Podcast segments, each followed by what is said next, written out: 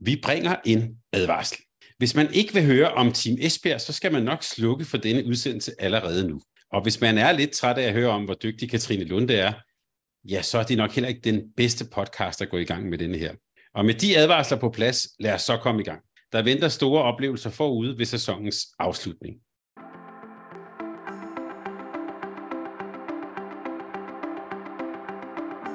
Denne udsendelse er produceret af Mediano Håndbold og præsenteret i samarbejde med vores hovedpartner, Sparkassen Kronjylland.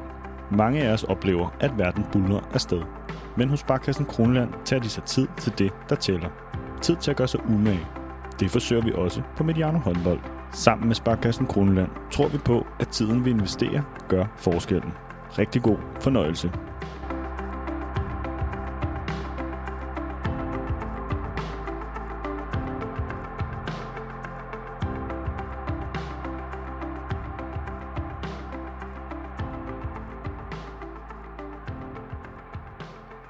Velkommen til Mediano Håndbold. Vi er i et forrygende humør på denne årets første sommerdag.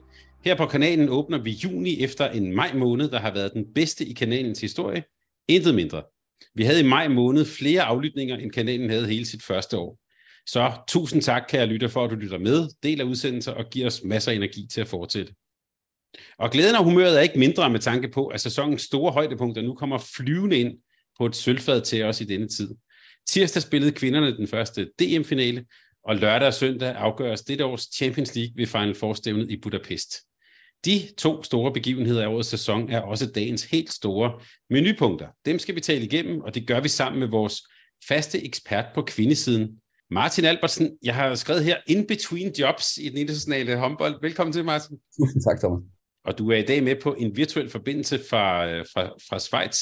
Martin, sidst, der talte vi om, at øh, det uh, Final Four-stemmen i Budapest, ja, det skal man simpelthen bare se. Så nu har jeg givet dig den lille lektie, og til en start giver os tre gode grunde til, at man skal forlade det gode danske ja, junivejr og sommervejr for at se Final Four, ja, enten i eller fra Budapest. Hvad vil du så bare på der? Ja, der er jo mange ting, synes jeg. Altså, jeg synes, der er flere end tre ting, Thomas, men jeg vil godt prøve at indskrænke mig og så sige, at nu har vi et dansk hold, Esbjerg, med, som har en stor chance for at kunne gå hele vejen og, og, og skulle være med øh, til det i et Final Four-stævne, som jo så vil være første gang, hvor et dansk hold har vundet et Final Four-stævne. Øh, det er en kæmpe oplevelse som dansker at være med til. Så selvfølgelig er det en kæmpe grund. Øh, jeg synes også, at selve setup'et, øh, det har jeg også nævnt før i udsendelser, at, nu er vi derhen, hvor alle, øh, selv fra EHF side, siger, at øh, Budapest arrangementet fra en formæssig Champions League, det er på højde med Kiel, og endda måske kan overstråle det. Og det kan det i forhold til stemningen. Nu er det så i, i, i det her år et, et, et stemningsmæssigt øh, vanvittigt setup, fordi vi har øh, hjemmeholdet øh, Budapest med, øh, og tilskuermæssigt bliver det, det er en vild, vild, vild oplevelse. Så, så det, at man får selve eventen med, det, det synes jeg er en, en kæmpe grund. Og så vil jeg så sige sådan noget uden, uden for håndbolden. Øh, for dem, der ikke har været i Budapest, så nævnte jeg det også, da du spurgte til mig sidste år, hvad var der nogle af de fede ting? Jamen altså, det er jo en fantastisk by. Det, det er der, hvor at, at det sætter op her på damesiden, eller kvindesiden, kan overstråle herresiden, fordi at, at byen er bare fantastisk. Øh, er der er mange gode grunde til, at, at den er fantastisk. Der er både det at kunne gå ud og spise øh, fantastisk mad til, til meget billige penge, når vi kommer fra Danmark og er vant til de priser, vi har lige nu, så er det meget, meget billige penge øh, generelt at, og, og, og forlyste sig lidt i den by. Så jeg synes, det, øh, det, det er de tre vigtigste grunde og kan vi sige gode pointe også med tilskuerne. Jeg læste mig til, at øh, faktisk kommer den her Final Four til at slå herrenes Final Four, fordi der simpelthen jo er, ja for det første er der øh, fyldt godt op med tilskuere, og halen er så lidt større, så det bliver også på den måde historisk her. Og alt det, det skal vi tale om i dag. Men Martin er faktisk ikke alene i dag, for mere har vi nemlig også fra Schweiz. Allan Heine. Allan, velkommen. Jeg har lyst til at sige velkommen tilbage til Mediano Håndbold. Mange tak og tak fordi du også blev være med os her. Kan du til en start, kan du tilslutte dig sådan Martins øh, hvad kan man sige, forventning og glæde ved det, der venter os i weekenden i Budapest? Ja, jeg glæder mig helt vildt, og specielt også i, i år, hvor der er blevet lagt op til, at, at Esbjerg måske kan gå hele vejen og kan gå til en, øh, en finale, i hvert fald i første omgang.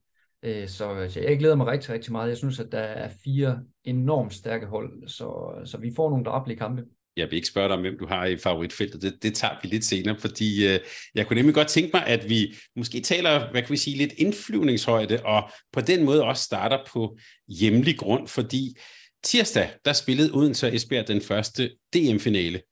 Odense startede stærkt, men med en pausepøring på 16-11 til Esbjerg, så lignede det måske undervejs en magtdemonstration af vestjyderne.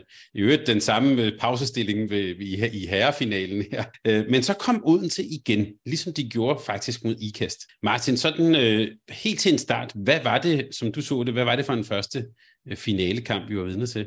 Jeg synes faktisk, du beskrev det rigtig fint der. Det, jeg har tænkt på efter sådan en kamp, det er, at, at hvor er det egentlig vildt, ikke? at uh, Esbjerg kan være så dominerende og kan være så gode, og, og det, det, man sidder i pausen og tænker, at der får, der får Odense ikke nogen chance.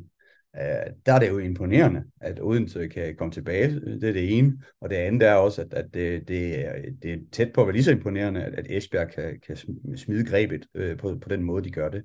Uh, og der er selvfølgelig nogle, nogle ting, som, som jeg som træner så kigger på, hvordan man Øh, bygger tingene op, og hvad er det for nogle spillere. Altså, der, der var jo spillere, som havde en fantastisk dag, som det nu er i håndbold, og så var der også spillere, som måske ikke havde en, en fantastisk dag der synes jeg faktisk, det blev lidt afgørende. For eksempel Nora, som jo ikke havde øh, for en gang skyld, hvor hun plejer at være ret stærk, når det, når det gælder. Der havde hun jo ikke en, en fantastisk dag. Hun fik altså lov at, at, at gøre tingene færdige, og det, det kunne godt have været øh, noget, der havde, ikke har gået Esbjergs vej, vil jeg sige. Så, så der var mange sådan aspekter i, at, at der var overraskende ting.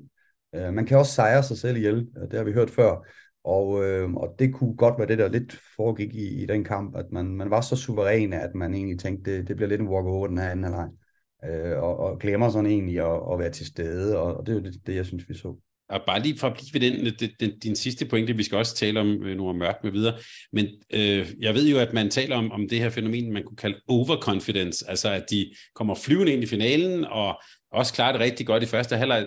Tror du, at det var lidt på spil her? Vi er jo ikke inde i hovederne på dem, men, men det du så på banen, lignede det sådan noget?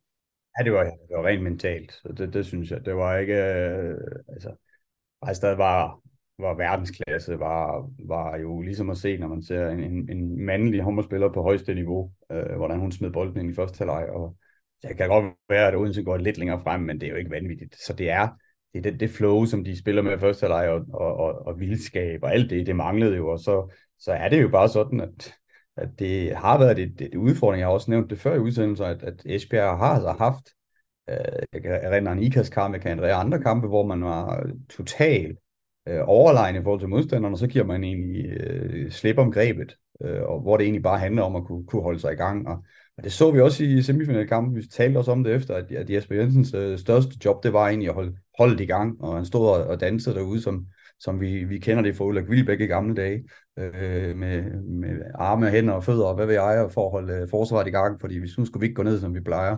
Så, så de ved det godt selv, at de har et issue der omkring det med at, at være overlegne. øh, og det, øh, det tænker jeg ikke, der kommer så meget i Final Four, men, men det var der i, i Odense-kampen. Allan, så du det også sådan, at det var altså måske i første halvleg sådan et reelt styrkeforhold, og så kom der alle mulige ting ind i anden halvleg? Ja, det er lidt det, Martin også er inde på. Jeg har også bidt mærke i løbet af sæsonen, at, at Esbjerg har haft svært ved sådan at holde momentum i, igennem en hel kamp, og når man så op mod så stærke hold som, som Odense, og nu her i weekenden øh, uh, FTC, og, og hvem det ellers skal være, jamen så, så øh, hvis man får det udfald, så koster det bare øh, lige med det samme, og det var lige ved at, at, at koste øh, øh, rigtig, rigtig meget her, og om tankerne øh, på bænken, og måske spillerne sådan i, i løbet af anden halvleg, øh, de første 10-15 minutter, måske allerede var på vej til Budapest, og nu havde vi vundet denne her, og nu skal vi til at være klar til det her Final Four. Om det, om det ligger der også, øh, det, det kan man kun øh, sådan øh, spå om, men, men, men det, jeg sad i hvert fald og tænkte, at øh, når nu er denne her finale øh, klappet af, nu handler det om Final Four, og så øh, tager vi den anden finale øh, efterfølgende. Og der vil jeg sige, det kan, man, det kan Allan godt sidde og tænke, men det må træner og spillere bare ikke gøre for, for Esbjerg. Man hørte også Ben Nygaard i, i pausestudiet sige, at nu går vi ind til anden halvleg, og så efter en 5 minutter, så er den afgjort, og så kan Jesper begynde at spille øh, ind. Øh, det kommer ikke til at ske. Bare for at, at være meget tydelig, det er uden til alt, alt, alt for gode til. Altså, øhm, og, og, og de tog jo også de der små chancer, de fik. Altså, hvis vi lige vender den om, hvad, hvad lykkedes så for Odense i anden halvleg? Jo, men jeg synes noget af det, de var, var gode til, det, det var det her med at være kyniske i situationerne, både defensivt og offensivt. Jeg synes, deres øh, hvad hedder det, tørn dernede har nogle vigtige redninger på nogle øh, helt gode tidspunkter. Jeg synes, de stresser Esbjergs angrebsspil, øh, og jeg tror også, at det er en timeout, Esbjerg, han, eller Jesper han siger, at at øh, nu skal vi ikke begynde at opfinde en masse ting. Øh, nu skal mm. vi bare holde os til strategien og vores, øh, vores plan. Øh, og så kom de så lidt tilbage derfra, men, men øh, Odense var god til at stresse øh, Esbjerg i en periode og få, få fremprovokeret nogle tekniske fejl på, øh, på nogle strategisk gode tidspunkter, og så, øh, så var den der kynisme med, med nogle gode øh, kasser og så videre, der gjorde, at, at det lige pludselig var helt tæt. Ja, og de taktiske momenter med, med 7 mod 6 spillet, og, og at, at Odense øh, var gode til at spille bredt på de rigtige tidspunkter, hvor at, øh, Esbjerg helt givetvis samlede sig øh, helt vildt i, i, i, ind over midten, øh, hvor de så var gode til at spille bredt, og, og omvendt så var min fornemmelse, at, øh, at Odense lå øh, til faktisk øh, højre fløj gå øh, fra Esbjerg, og, og kunne så spille overtalsforsvar i den anden side, fordi at de havde en, en taktik på, at, at Norge i den kamp i hvert fald ikke havde lyst til at spille uden højre fløj så meget, og at, at, at der skulle en rigtig højde på, på rejstedet for, at, at, at skuden ikke var så præcis som i første halvleg, hvor hun kom ind på en, en 8-9 meter og kunne, kunne stige op øh, fuldstændig uden tryk på kroppen og, og sende bolden afsted. Der var der hele tiden kontakt og, og alle de der små ting, som, som ændrede sig. Og det, det var jo fordi, at det ene hold gearede ned, og det andet hold, øh, jeg vil ikke sige, det givet op, men, men det er jo det, der har gentaget Odense, og de har jo vundet to mesterskaber af den grund, fordi de har ikke været, øh, været, været bedre end Esbjerg end de to forgangne år, men, men de, er, de har en jernvilje, og de tror på tingene.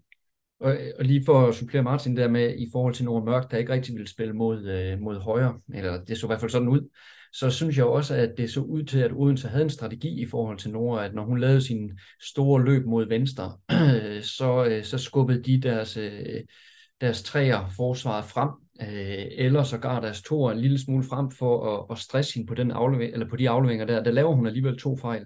Så det kan godt være, at det er noget af det, de har luret lidt på at skubbe forsvaret og løfte lidt, og så se, om man kan få øh, Nora til at lave øh, nogle fejl. Det, øh, hun, hun peak-performede i hvert fald ikke, og om det var en, en del af strategien eller en tilfældighed lige i kampen, det bliver interessant at se i, i kamp 2 i hvert fald. Og Nora er en klog spiller, så hun, hun ligger også og laver de her diagonale bolde ud til venstre fløj. Men lige nok i anden leg, der bliver der ikke gået på de der store vinkler, der egentlig er. Så, så det, de er også selv, Esbjerg, med til at, at afkøre korte banens bredde, ved, ved at det hele foregik i midten.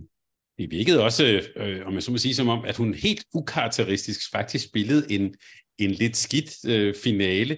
Og, og Martin, jeg synes, du antydede i starten, at hun skulle have været ude og få at have lidt pause på bænken, eller hvad? Ja, det, er jo ikke, det er jo ikke noget, jeg antyder. Det tænker jeg, at, at, at Jesper bliver også fanget, at, at det, som holdet bliver fanget af, og, og går lidt i, jeg vil ikke sige, at han går i sort, men han, han, han agerer ikke, som han plejer. Han er en fantastisk træner. Og, og det er derfor, jeg kan tillade mig at sige, at, at normalt Jesper ville have, have skiftet Nora i forhold til det, han, han ser. Når han ser det her på video, så agerer han anderledes næste gang. Det, det, det er sådan rent fagligt.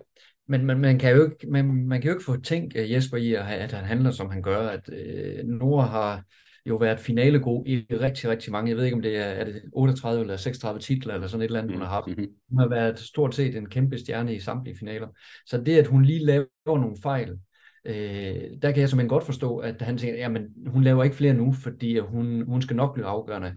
Og jeg kan da også lige huske et, et underhåndsskud, hvor de er under max pres, som hun får sendt i kassen. Altså, så selvom hun laver nogle fejl, så er der også nogle gode ting øh, undervejs. Men jeg er enig med Martin, at øh, når man har så god en spiller som Tranborg siddende, så, så, så vil jeg nok også have skiftet, når man sidder helt roligt i sofaen. Altså hun er ikke, altså når han kigger på hende to brændte straffe, det, det, det er jo tæt på verdensrekord for Nora, at øh, hun kan brænde over hovedet. Øh, men så de både, den måde, det bliver brændt på, det var de steder ukoncentreret i forhold til, hvad vi plejer at se. Så hun, den kamp, den kan tæt på blive afgjort, da hun tager og scorer på straffekast i anden halvleg, hvor at, at det er så tæt på, at hun rammer hovedet på tørn. Mm. Øh, altså, bevæger hun sig bare lidt og bliver snittet der, øh, så ryger hun ud. Altså, det er jo det er sådan nogle små, små, små marginaler, og det er jo også det, jeg tror det er Abing øh, efter kampen, øh, Louis Abing, der er inde på, at, at det er jo små marginaler, og det er det jo, øh, når det er sådan øh, to gode hold. Det er noget at gøre med første halvleg. Okay, bliver øh, fra kort, bakker hun op, eller går hun væk, når man ved, nu kommer der en, som, og taktikken er, I skal bakke op, så går hun væk. Altså de der små marginaler, som man er utilfreds med som træner bagefter, hvorfor følger vi ikke 100%? Det er kampafgørende, selvfølgelig er det det. Øh, bliver der sprunget igennem på afslutningerne, det talte vi om i sidste udsendelse, hvor vigtigt den teknikken er. Øh, specielt i de her topkampe. Altså man kan ikke øh, tage sådan 80% afsæt og, og håbe det bedste. Altså i sådan nogle kampe, der giver man så 100% i alle aktioner, for ellers så, så kan det blive sebart til sidst. Og der var jo øh, Abing igennem på en, en fantastisk finte, og, og giver sig så ikke tid til at sætte af, og, og afslutter også nede i, i fødderne på, på Anna, som, som jo lå nede på gulvet, men alligevel blev det afsluttet. Der er sådan nogle små marginaler, hvor man, man glemmer sig selv i momentet. Det, det er kampafgørende. Det her, lad os bare lige sætte et på på det der 7 mod 6 spil, det har vi jo talt om øh, øh, tidligere Odense. Eller som du så det, hvad, hvad er det, det, om jeg så vil sige, gør for Odense, når de går i, i 7 mod 6? Om de får jo øh, man sige, hvilet lidt i forhold til de her øh, mange dueller, som der ligger. Esbjerg er et rigtig, rigtig stærkt forsvar, og må, måske man gerne vil til nogle lidt åbne chancer, eller større åbne chancer i, i forhold til øh, Anna i målet også. Men der har Esbjerg sådan en plan også i forhold til, at de gerne vil have dem ud mellem øh, 1 og 2 eller 5 og 6, og hvor, hvor Anna er rigtig, rigtig god. Og så så det også ud som om, at, øh, at Esbjerg øh, lod øh, Ikehara ude på højrefløjen få lidt mere plads, end man normalt øh, ville give hende. Og, og hun virker heller ikke som, som værende i, i sit livsform lige i øjeblikket. Så jeg synes egentlig, selvom at, at øh, Odense får sådan lidt mere kontrol på kampen, så synes jeg egentlig, at det ser ud som om, at Esbjerg har en, en, en helt klar plan for, hvad det er, de gerne vil øh, mod Odense, når, når de gerne vil øh, i, i 7 6. Øh, og så bider jeg lidt mærke i, at, at, øh, at Regiversen, som normalt jo er en af dem, der virkelig er i spil øh, i det her 7 6, ikke har en, en scoring i, i finalen, øh, hvor Maren øh, har, øh, har seks scoringer.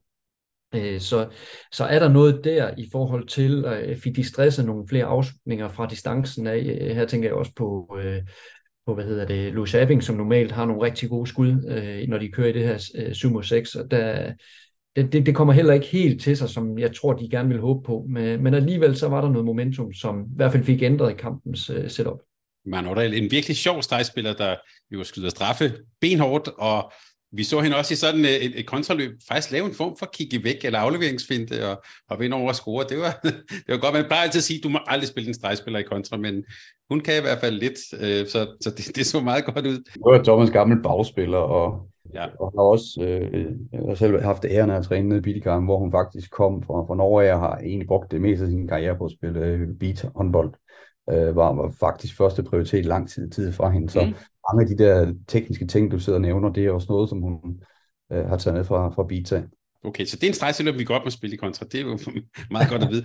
Martin, du har, du har, øhm, øh, du har her øh, kaldt, øh, hvad hedder det, signingen af Anna Christensen for, måske, for den måske sådan afgørende sådan, øh, øh, skifte også for, for Esbjerg, og også i sæsonen her. Mål, målvogterdysten mellem Tørn og Anna Christensen, hvordan så du den i den første finale? Ja, og det er ikke noget ondt at sige om Tørn, for Tørn har mange vigtige redninger, men hendes procent, hun har, hun har jo bolde, som hun ikke skal tage, som hun tager, og så har hun, hun ja, også på nogle vigtige tidspunkter nogle bolde, men sådan rent procentmæssigt er det ikke højt nok til, at, at man egentlig kan være med. Øh, hvor at, at øh, Anna ligger i, ikke, ikke vanvittigt i den her kamp, men hun har også nogle, nogle vigtige redninger, og hun, og hun procent med det er op på, tættere på de 40, ikke? hvor at, at jeg tror det er 37 eller noget, hun ender på. Og det, det, det er meget tæt på det, det skal være for, for sådan en, en, en god keeper som hende. Jeg synes, i den hjemlige liga, der, der, der tror jeg godt, at øh, der er mange, der giver mig ret i, at det har Øh, været århundredes uh, signing for Esbjerg. Uh, og vi kan godt snakke om Rejstad, og vi kan snakke om alle de mål og al hendes effektivitet. Altså hun, i sådan en kamp som den her, hvor hun måske ikke er, er helt vildt god, jeg synes uh, man i anden lege, der ligger hun stadig på en 67% scoringseffektivitet. Og det, det er det, hun lægger på i en sæson. Det er jo, det er jo ligesom en fløjspiller på allerhøjst niveau. Så det, det er vanvittigt, hvad man har rejst der, men stadigvæk er Annas øh, tilkommen bare øh, det, der gør, at altså, jeg er ikke sikker på, og jeg tror ikke på, at Esbjerg har vundet en kamp, hvis andre ikke har været imod. Og det er der, vi er. Øh, så, så så vigtig er den signing for Esbjerg.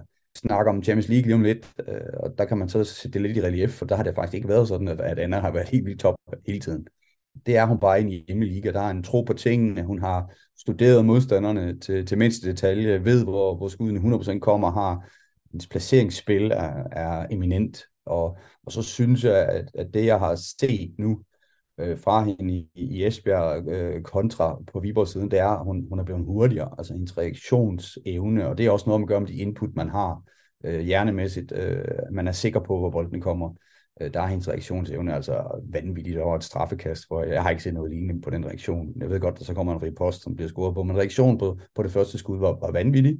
Og så tror jeg, at det vigtigste, øh, nu når vi skal runde Anna af, jeg, har, jeg tror også, jeg har nævnt det før, øh, det er for at skulle sidde og gentage alt muligt, men, men det er bare en, en fakta, at jo bedre keeper du har i, i dagligdagen, jo bedre øh, kan vi få dem til at præstere i kampene, og det kan man virkelig se, at, at Esbjerg er blevet langt skarpere på mange ting, efter at de har fået den øh, top, top øh, keeper i, i Anna i mål. Øh, ikke at forklare Emilning og andre, men nu har de bare en, der, der er så agerig, at, at hun ærger sig over hvilket som helst træningsskud, der går ind.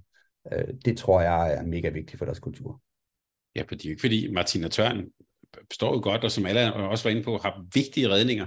Anna Christensen har bare måske lidt, lidt, lidt flere, og på den måde også, man kan sige, at Althea Reinhardt ikke med her, det er, når vi taler marginaler, måske noget af det, som kan være med til at afgøre sådan et, et, et, øh, et, et DM-slutspil og en DM-finale. Så vi Thomas i semifinalen, altså hvordan øh, det gik ja, ind. Ja.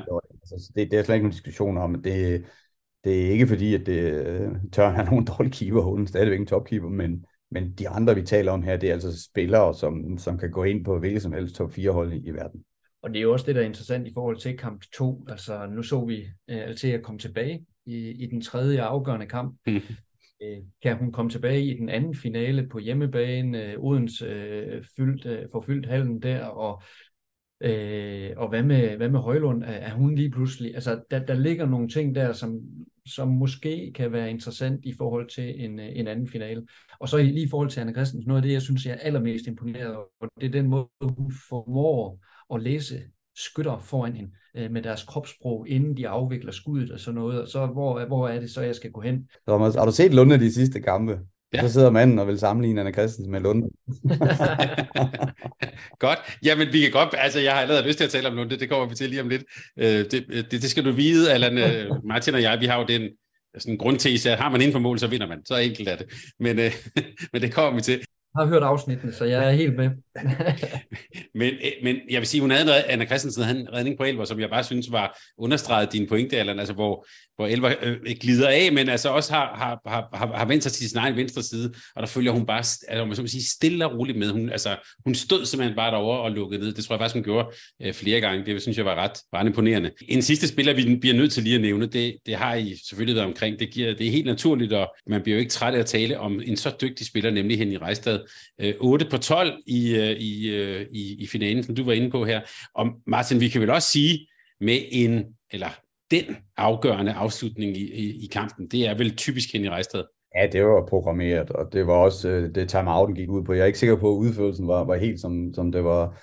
Jeg tror, armen i øvrigt kom hurtigt op, end, end Jesper han troede, da den sidste timeout. Øhm, så det, der var lidt hurtig afslutning, men den kom derhen, hvor den skulle hen til Henning Reistad, og hun fik øh, lavet et, endnu et, et flot, flot, flot mål.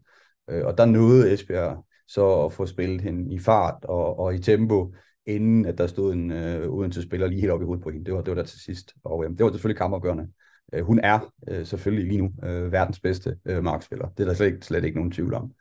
Øh, når man snakker verdens bedste håndboldspiller, så, så har vi jo stadigvæk Thomas Lunde sådan lidt inden for, mm. for vores øh, schema i forhold til, at øh, det er svært at blande de her æbler og pærer, når vi snakker målvogter og, og angrebsspillere og forsvarsspillere osv., men han er rejst, at øh, jeg tror ikke, øh, det er der ikke. Der er ikke nogen, nogle hold, som ikke gerne vil have en på. Jeg synes også, altså også bare skåret ud i pap. Nogle gange så bruger vi ordet kampeafgørende. Her var det jo bogstaveligt talt. Allan, øh, lige, lige for at, at, at runde den her øh, øh første finale, øh, finale af og, og tale lidt om indflyvningshøjden, så, så ved jeg et spørgsmål, som jeg både kommer op, men bare sådan i det hele taget også melder sig på det her tidspunkt i sæsonen. Det er det der spørgsmål om ressourcer. Altså på den ene side, Odense havde spillet en semifinal mere end Esbjerg. Til gengæld så har Esbjerg jo så lige et Final Four mellem kamp 1 og 2. Sådan helt overordnet, hvordan ser du det der spørgsmål om ressourcer på det her tidspunkt i sæsonen? Jo, men det er jo klart, det spiller ind, og det så vi også i en herrefinale i går. Øh, men, men, øh, men når man ser isoleret på den første kamp for, for damerne her, så, så er det jo bemærkelsesværdigt, at hvis Odense skulle være trætte, øh, så, øh, så laver de jo i bund og grund et comeback efter 45 minutter. Mm. Så derfor så giver det ikke helt mening, at det er det, som så hvis man skulle være træt, så er det i hvert fald ikke fysisk, så er det måske nærmere øh, mentalt, at, øh, at man nu er man kommet i en finale, og det har man kæmpet for, og det har været hårdt, og så kommer man i gang, og så kæmper man sig tilbage. Og det er alt andet lige, så er det, så er det oftest øh, hvad kan man sige, nemmere at angribe kampen, frem for at forsvare kampen. Og jeg tror, det var lidt det, der skete for Esbjerg, at de kom til at forsvare føringen, i stedet for at angribe øh, det. Og, og der lå det lidt til Odense, øh, og på imponerende vis fik, fik skabt stor øh, spænding omkring det.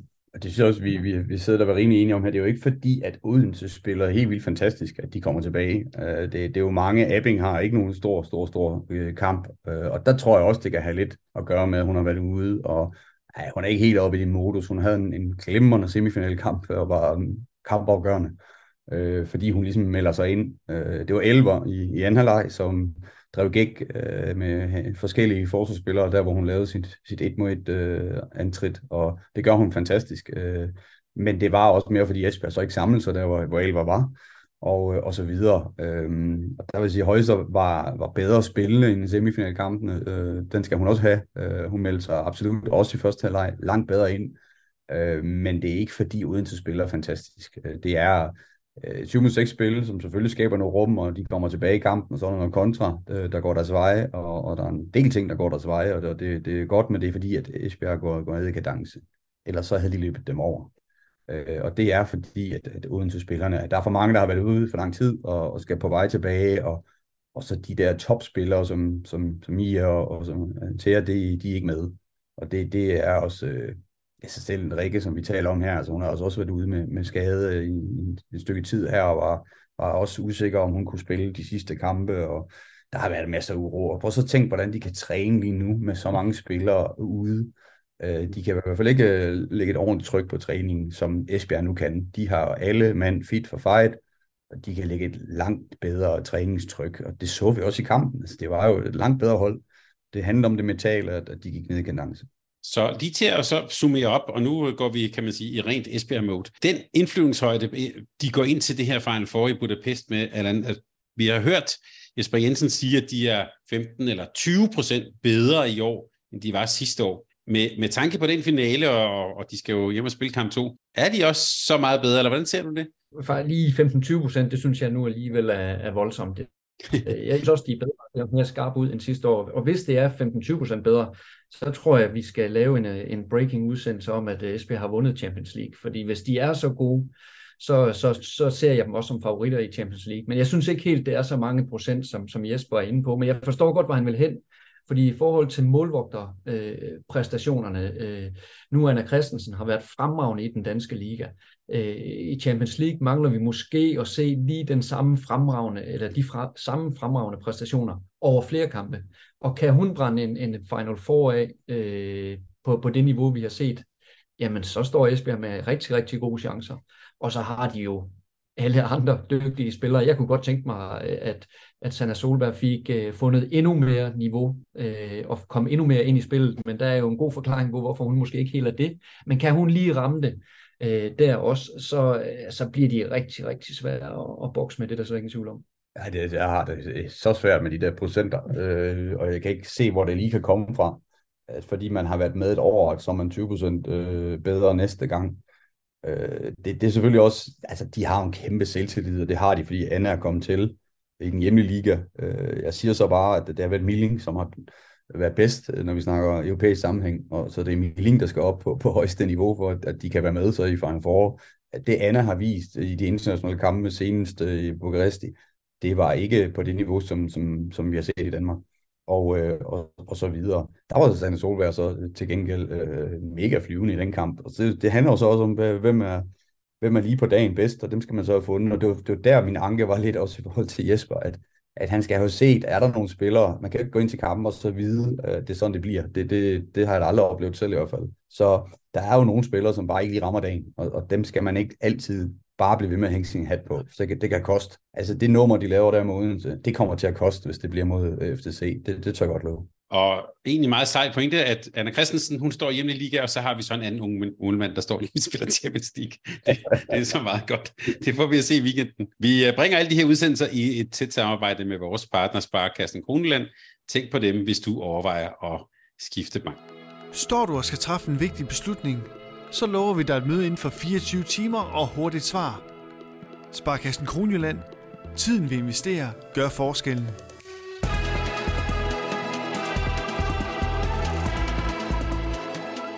Så nu skal vi tale om det her Final Four i Budapest. Og til en start to ungarske hold og alle deres tilskuere i en kæmpe hal i Budapest. Et norsk hold, der har vundet i Budapest to gange i træk, og et dansk hold, der vi ved ikke, om de er 15-20% bedre, men i hvert fald ser stærkere ud end nogensinde. Og så kan vi så sige to norske dronninger, der kan nå i alt syv sejre i den fornemmeste klubturnering i verden. Nora Mørk og Katrine Lunde har hver vundet Champions League seks gange, så en af dem kan faktisk nå syv sejre i denne weekend. Og øh, da jeg lige skrev det ned, så kom jeg til at tænke på, at der er jo det med Champions League finalespil og de store slutrunder, der bruger vi nogle gange øh, hvad hedder det, udtrykket historisk. Man kan jo også blive historisk ved at brænde 10 på 10, men her taler vi altså ægte storhed, når vi taler spillere som Lunde og Nora Mørk. Og så vil jeg bare tilføje, at nu vi er ved storhed, selvom de to nordmænd skulle nå syv sejre, så kommer ingen i nærheden af alle tider største kvindespiller, ukrainske Sinaida Turchina, som har vundet mesterhåndenes turnering ikke færre end 13 gange, så har vi også lige sendt en hilsen til hende og til Ukraine i den her tid. Fra historien til det her år. Djør, Vipers, Esbjerg, Fernsvares. Martin, vi har jo som sagt talt om, at dem, som har Katrine Lunde i målet, de er favoritter i Budapest. Har du det stadig sådan? Sådan synes jeg jo, det har været også sidste år. Jeg ved godt, vi talte meget om Norge Mørk og så videre, men det var jo Lunde. Og jeg har lige set Lunde øh, i den hjemlige liga, altså i Norge, øh, stå på vanvittigt niveau. Altså det var, jeg tror, det var 17 redninger, eller sådan, hun havde sidst. Altså, jeg så øh, kampen, det var vanvittigt. Øh, altså det, det er jo, man kan jo ikke blive ved med at nævne, hvor vildt det er, at hun i den alder kan stå på så højt et niveau. Og det er jo, det er jo ikke bare sådan en rutinekunde. Hun, hun er jo atletisk for sindssygt øh, lige i øjeblikket. Altså hun har jo på en eller anden måde formået at toppe sin krop øh, til det stævne, der kommer nu. Det tør jeg godt advare alle de andre hold om, at øh, det bliver afsindig svært at få boldene forbi hende. Så, og det er jo derfor, at, at, at Jør ikke bare øh, er favoritter. Fordi havde de ikke Lunde, jeg ved godt, og det synes jeg stadigvæk, at vi har udnævnt øh, øh, Ulle til at være verdens bedste træner, i forhold til det, han har fået ud af de forskellige mandskaber, han har haft de sidste år, og, og vundet øh, titlen. Øh, den, den skal han have, men alligevel øh, havde det været svært for, for ham også selv, så dygtig en træner, at vinde det hele uden Lunde mål. Det, det må man sige. Så jeg, øh, jeg kan stadigvæk godt, øh, jeg ved godt, det er jo ikke dem, som er favoritterne, det er Djør, øh, kvæg, hjemmebane nærmest og så videre, øh, men, men de kan gøre det igen. Altså, øh, jeg tør, jeg tør slet ikke se på, hvad bookmakerne og hvad, hvad tør de gøre i år. Nu er de to gange i træk ikke, ikke troet på dem. Tør de blive ved med at være med at tro på, på norske Vipers? Det, det bliver spændende. Eller nu har du så hørt øh, Martin og jeg øh, være helt på toppen over øh, Lutte. Nu, nu, nu, har du, nu får du muligheden for at korrigere vores begejstring. Nå, men jeg kan godt forstå, at I er begejstret, og i forhold til at være fit, så kan jeg huske, da jeg havde fornøjelsen af at, at være assistenttræner i Aalborg DH dengang, hvor, hvor Lunde øh, var en noget yngre model. At der var hun også den, der løb forrest til, til de diverse løbetræninger og løbetests. Så øh, det startede altså tidligt, og det, øh, jeg er ikke over, at hun stadigvæk kan holde, øh, holde skruen i vandet og, og være så fit, som hun er. Men jeg forstår godt begejstringen, bestemt, men, jeg, men når jeg sidder og kigger på de to øh, hold sat op mod hinanden, og jeg, jeg medgiver, at øh, Vipers har gjort det godt, øh, rigtig, rigtig godt i, i, en, i en årrække nu, og øh, har toppet de to sidste øh, sæsoner. Men, men jeg synes også, at øh, Gjør ser øh, øh, lige en tand stærkere ud. Øh, om det så betyder, at de kan vinde kampen, øh, det, må, det må vi jo se øh, her øh, lørdag eftermiddag. Men, men jeg tror på, at Gjør med, med vores øh, danske center, øh, Toft i, i kassen der, kan, kan godt kan spille lige op med Lunde i, isoleret set øh, i, i kampen, eller i hvert fald de to teams, målvogter-teams, mod hinanden. Øh, og så synes jeg, at øh, Gjør står en lille smule stærkere i, øh, i forhold til bredden af, af spillerne, i, i forhold til sådan en kamp, der tror jeg bliver enormt intens, og med, med, med mange meter i skoene. Øh, der tror jeg øh, på, at Gjør øh, spiller sig i finalen. Det kan Allan have ret i, øh, og det er derfor, jeg siger, at bookmakeren de får æderhugt med et svært job. Jarab kunne være MVP sidste sæson. Øh, vi har selv lige øh, været i kamp mod hende øh, for Tyrkiet. Jeg kan bare fortælle lytterne, at hun er æderhugt med skarp lige nu. Øh, hold fast, hvor var hun god. Øh, og det, der snakker vi altså om bedre end det, vi så i, i, i sidste års øh, Final Four. Så hun kommer med det vildeste. Altså, der var det skuddet. Nu har hun fået Ragino med for vildt. Hendes krop ser meget, meget fit ud. Øh, hun har været klaget af mange korsbåndsskader og så videre, og været ude lang tid øh, igennem sin karriere. Øh, nu ser hun ud til, at hun har helt tro på egen øh, krop, til at hun virkelig kan give gas. Øh, så der bliver noget at se til for Djør, og, og der er bare noget omkring, at, øh, at de har en god træner, som formår altid at stikke nogle knive ind der, hvor det gør allermest ondt for modstanderne. Øh, havde jeg ikke set den her Djør uden til kamp, øh, så har jeg overhovedet ikke haft nogen, nogen tro på det. Og jeg synes faktisk, det, det er den eneste sådan rigtig europæiske kamp, hvor jeg sådan virkelig har, har tænkt, der var de gode mm. hjemme mod Odense. Ellers så synes jeg, det har været øh, decideret ringe. at se på dem, og, og jeg nævner også en, en kamp mod, mod Esbjerg i Esbjerg, hvor det er jo forholdsvis tilfældigt, at de løber med til sidst, og der er jo ingen redninger, hverken på det ene eller andet hold. Øh, så der har været op og down også for Djør, og, og de skal godt nok være gode, hvis de skal slå Weimers. Det her, før vi lige øh, kommer endnu mere ned i de, i de to semifinaler, så vil jeg bare lige spørge jer begge to, øh, I har jo også slutrunde erfaring og så videre. Det her med at spille Final Four, altså man kan også bare sige to hårde kampe på, på under et døgn, og også bare det med at have erfaringen fra, fra et Final Four. Hvad kommer det til at betyde, Allan? Jo, men det har jo øh, øh, sagens natur en kæmpe betydning i forhold til at have stået i nogle øh, situationer før, og det er også en af øh, de grund til, når man kigger på trupperne sådan øh, spillet op mod hinanden, at, øh, at der er med på, at øh, Viper selvfølgelig har noget erfaring og har vundet øh, de her øh, to gange nu her øh, i træk, og, øh, og gør der jo har været vant til at vinde over en, en længere periode, men men når jeg ser øh, dem spillet op mod hinanden, så jeg, jeg tror mere på, at, øh, at øh, Gjør kan gøre noget i kampen, hvor jeg der ser det lidt mere begrænset, selvom at øh, de har en dygtig træner, der kan øh, sætte mange ting op og sådan noget, så synes jeg bare, at øh, når jeg har set Gør spille øh, i, i Champions League, at, at de kan angribe kampene på en lidt forskellige, eller nogle taktiske forskellige måder, der gør, at jeg tror på, at øh, i sådan en, en, øh, en semifinale, og så som jeg tror på, en, øh, en finale om det helt store, at, at de øh, øh, ser øh, stærke ud. Men igen, øh, erfaring, det øh, fornægter sig ikke, øh, så øh, det er ikke sådan, at jeg vil stå som bookmaker og bare sætte en, en stor favorit til, til at gøre. Det er en meget øh, lige kamp, vi, vi kommer til at se. Men jeg tror, den tipper øh, til, til hjemmeholdet, hvis man kan sige det sådan. Lad os simpelthen øh, så lige komme yderligere ned i den første øh, semifinale. Det er lørdag kl. 15.15.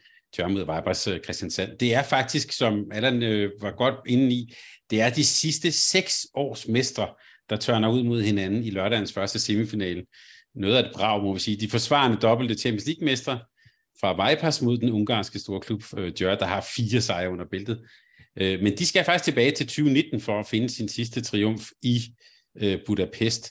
Og Martin, du var inde på, det bliver vel også en eller anden form for ungarsk hjemmebane her. Det kan vel også kun bare blive et kæmpe brag med de to gode hold?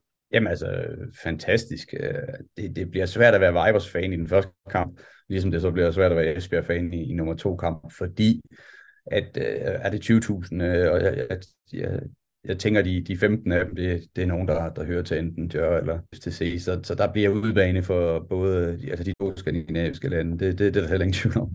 Ved, ved vi noget om sådan forholdet mellem de to ungarske hold? Altså er det sådan, at hvis så hæpper de på modstanderen, eller hvordan, altså kan man, kan man hente lidt fra, hvis nu man er øh, Vipers fra FCC-fans, eller hvordan tror du, de vil agere? Jeg ved ikke, om de betyder hæb, men, men der er ikke noget kollegialt uh, samarbejde mellem Dør og FTC. Det er ikke øh, to klubber, der samarbejder på nogen måde.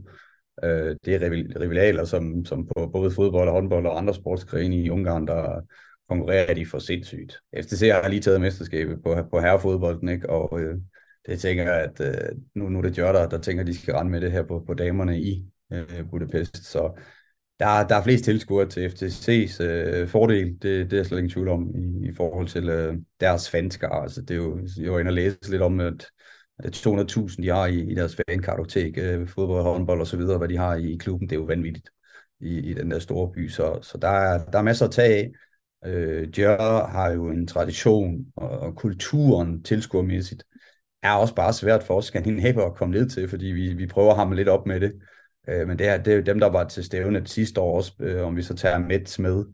Øh, det er bare en anden måde at, at hæppe på sit hold, som de er vant til i Ungarn, end de er vant til i, i Esbjerg, eller man er oppe i Vibers.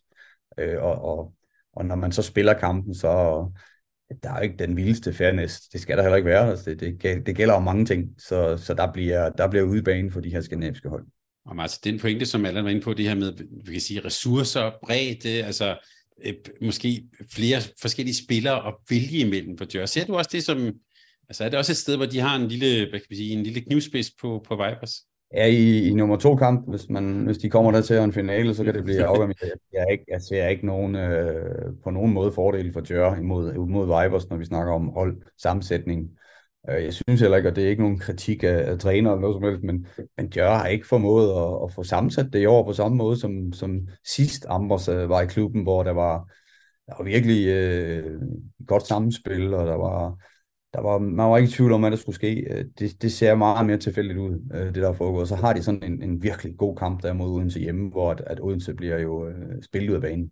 Mm-hmm. Øh, og det er selvfølgelig deres, den lid, de skal sætte til, at, at de samme spillere eller nogle andre kan komme op på det niveau mod Vipers. Men som sagt, så tror jeg, at der er en træner der, der, der får sat nogle knive ind der, hvor det gør rigtig, rigtig ondt.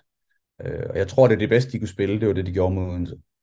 Øh, de, har ikke, de har ikke været øh, flyvende her på det sidste, heller ikke i hjemlig liga, hvor de, eller hjemlig liga i pokalen øh, i Ungarn, hvor de også øh, taber forholdsvis stort til FTC i finalen. Jeg ved godt, de, de, de render med mesterskabet, men det er jo over en hel sæson, det foregår dernede, hvor man, man så har vundet det over hele sæsonen. Så for mig at se, øh, er det en meget mere åben øh, kamp. Jeg kan ikke spå om, hvem der, der tager det af de to. Altså, der burde være klare hjemmebane fordel til Djør, og alle, alle mulige ting skulle tale for, at Djør, de, øh, men det har vi jo set før, og det er ikke lykkes. Øh, de var down sidste år, de, de er helt vildt agerige og vil helt sikkert gerne vinde øh, trofæet igen. Det, det er ved at være lang tid siden, de, de forventer, at det skal være hver år. Så, øhm, så der er nogle ting der, men, men Vibers, øh, ja, det bliver spændende, virkelig spændende at følge. Øh. Der er jo nogle gange, nu har vi talt om Katrine Lunde, altså det er også en af håndboldsportens store klichéer, altså i sidste ende så bliver det afgjort af, af dem, der står inde i målet. Kan du tilslutte dig, Martin, kan du tilslutte det, Allan sagde omkring, hvad kan vi sige, den norsk-danske øh, duel, altså Sandra Toft mod, mod Lunde, er det, hvis man skal ret blikket et sted hen, er det så det, vi skal kigge?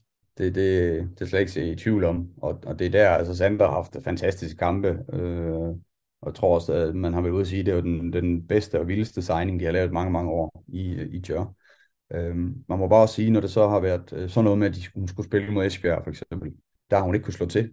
Øh, og derimod, når hun skal duellere mod en, en Lunde, der, der har Lunde jo så øh, desværre for Sandra Tofte det længst står i rigtig, rigtig, rigtig mange kampe.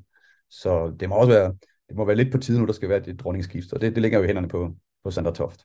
Så et helt åbent opgør. Jeg har nævnt bookmakerne flere gange. Vi, vi, kommer, ikke til, vi kommer ikke til at anbefale nogen no, no, spil der. Øh, men, Allan, jeg kunne godt tænke mig, at du øh, nu nævnte Martin uh, Marquesa i Repkova, som du jo også har på, på, på tætteste hånd. Vi kan også bare sige, at den bagkæde, Jamina Roberts, som så vidt jeg, apropos de sidste kampe her, har, har vist storspil i Norge, og så selvfølgelig ikke mindst øh, Anna Vaki. Altså, sæt lige lidt ord på den der bagkæde. Hvad er det, Vibers øh, er så gode til, når, når de tre er inde? Jamen, jeg synes, de er rigtig, rigtig dygtige til at holde en, øh, en høj fart i deres angrebsspil og komme på kant af forsvaret hele tiden. Øh, jeg synes, der er, der er mange af de her øh, meget mandlige bevægelser i den måde, de ligesom kommer i flow omkring forsvaret og øh, timer deres løb meget tidligt øh, og løber nærmest øh, forsvarsspilleren af, inden at øh, duellen rigtig bliver sat på. Så jeg synes, at det er enormt imponerende håndboldspillere at se på øh, med, med, med et voldsomt flow og super dueller øh, og så øh, krydret med en masse smartness, altså både med, med, med Roberts og med Viakiva, som, som er rigtig dygtige til at komme på de små rum og, og fange øh, forsvarsspilleren på, på det dårlige ben. Så, øh, så det, øh, det, bliver, det bliver mega, mega fedt. Altså, det er der slet ingen tvivl om. Så øh, hvis man er håndboldelsker, og det går ud fra, at man er, når man lytter til den her podcast, så skal man i hvert fald have tændt for fjernsynet øh, en del i den weekend her. Det er, det er nogle af de aller, aller største øh, stjerner. Og, og når man så har de her to øh, spillere, der ligger og væver lidt rundt, så har man jo Jarabkova, som, som vi desværre øh, fik at mærke lidt på den hårde måde med, med Schweiz, hvor, hvor hun bare er en, øh, ja, hvad kan man sige, en torjæger, altså en, der virkelig mm. er dygtig til at sætte punktum i, i angrebene, og hvis det dør lidt ud, og man ikke helt kan komme til tingene, jamen så, så kan hun også afslutte det og, og få den kasse, som der nu er behov for. Så øh, selvom jeg taler for, for at gøre, så kan jeg godt mærke, at jo, jo mere vi taler om det, så bliver jeg mere og mere i tvivl.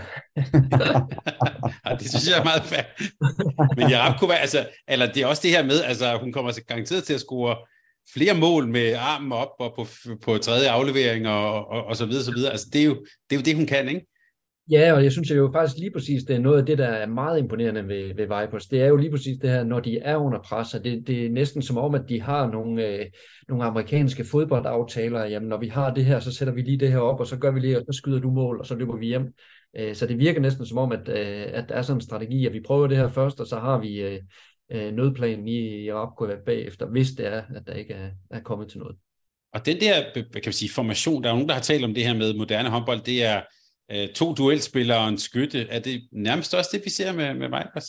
Ja, det er det. Og, og så igen, som sagt før, nu skal vi jo ikke rose ham så meget, men helt tænker, at vi slet ikke vinde over øh, den her kære Norman på bænken. Men Men der er jo sket det, så, så ryger en penne og andre ud som playmaker, og så, så tænker man, okay, nu har de deres store problem, hvad gør vi så? Jamen, så skoler man lige Rapkør op til at være en af verdens bedste playmaker lige pludselig, som både kan skyde, har et hav af assist, øh, ligger og, og trykker sådan, at, at uh, Roberts og, og Anna, de kan komme til det, de også er dygtige til, eller Anna går over og spiller venstre bak lige pludselig, og, og sætter folk af for sindssygt i kontrafasen på venstre bak, og altså, der, der sker mange ting, som er vanvittigt fedt at se på som håndboldtræner, hvordan at, øh, at der er en træner her, som har tid, det ved jeg, han har, fordi den hjemlige liga er jo ikke, er ikke vanvittig i forhold til, uden at skal være arrogant, så, så er det jo forholdsvis dem, og så de andre. Jeg ved godt, der er andre hold, som Storhammer, sådan kommer tættere på, men det er bare et, et suverænt hold i, i en hjemlige liga også, eller bør være det, hvis man kigger på holdet.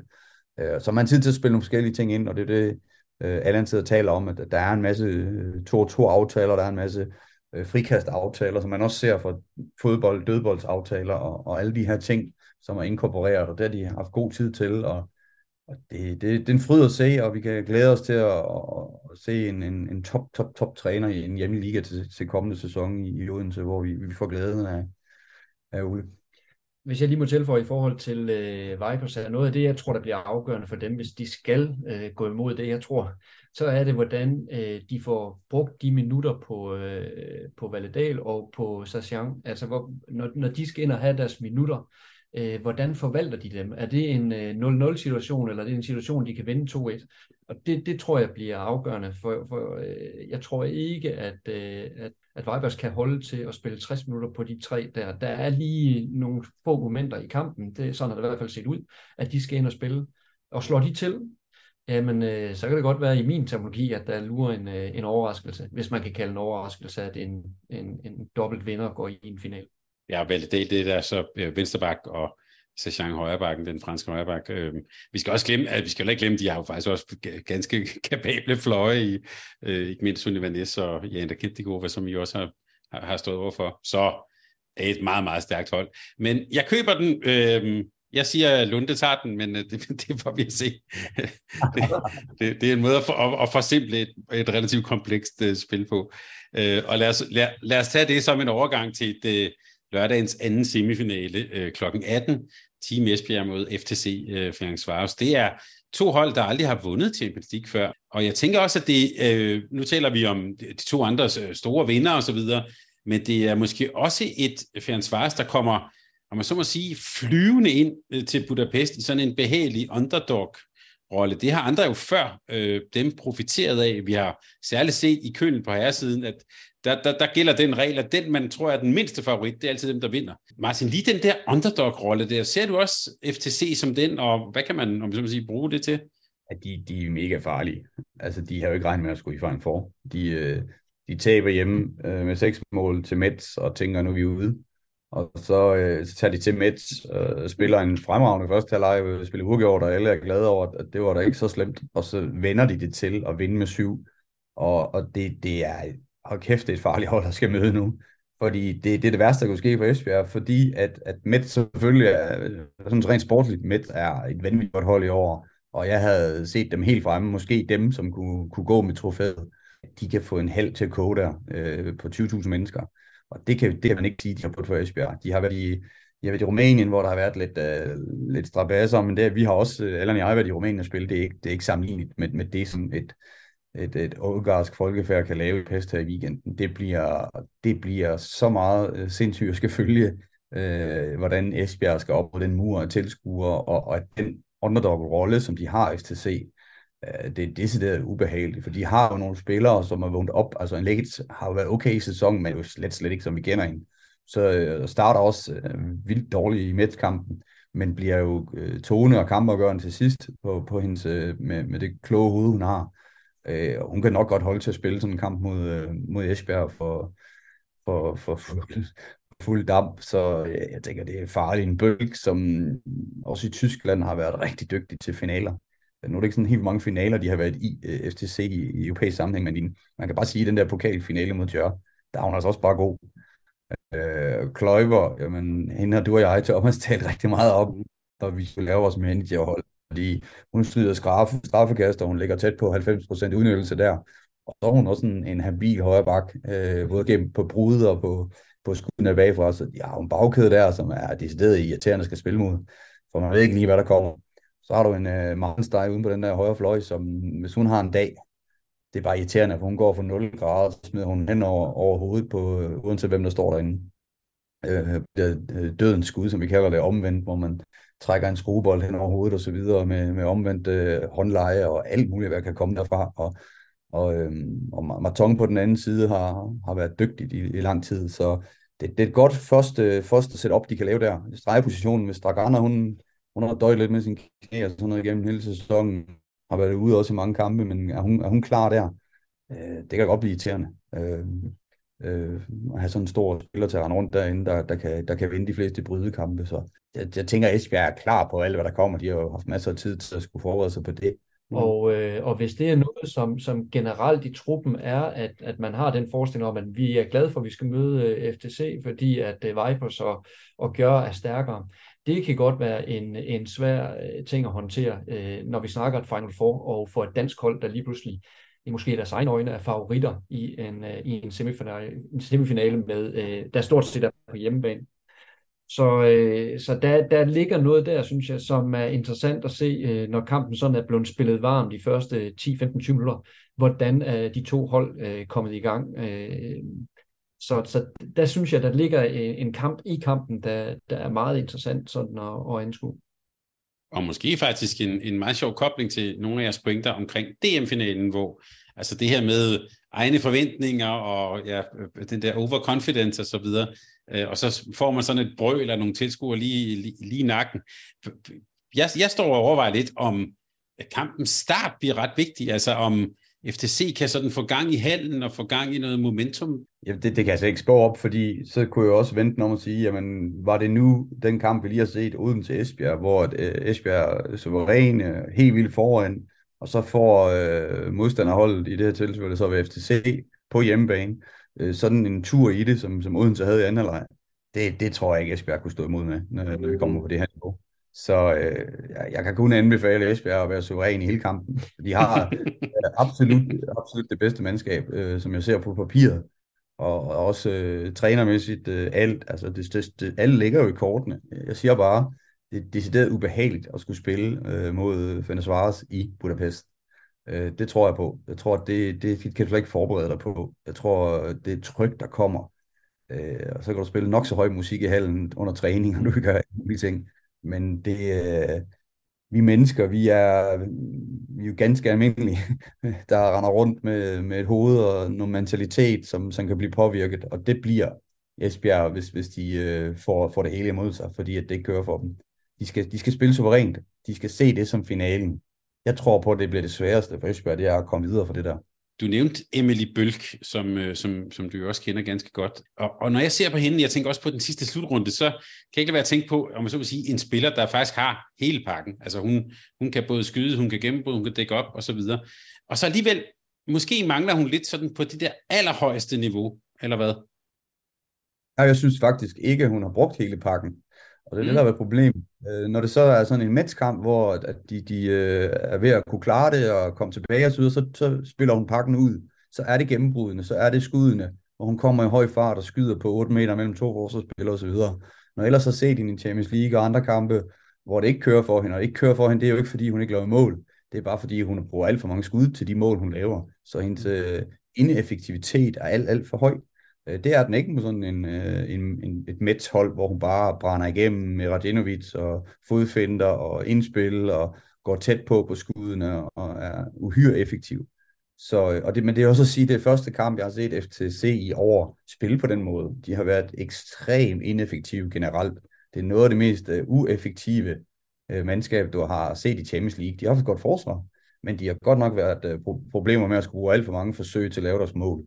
Og der ligger de tre andre hold til for en forhold langt højere og langt bedre, når vi, når vi tæller de her statistikker, der ligger.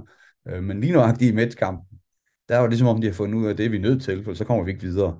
Øh, og hvis de har fundet en nøgle der, så, øh, så får Esbjerg altså noget at se til.